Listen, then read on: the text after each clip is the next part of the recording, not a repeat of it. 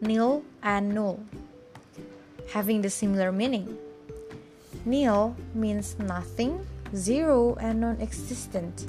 Arti dari nil adalah kosong, nol atau tidak ada.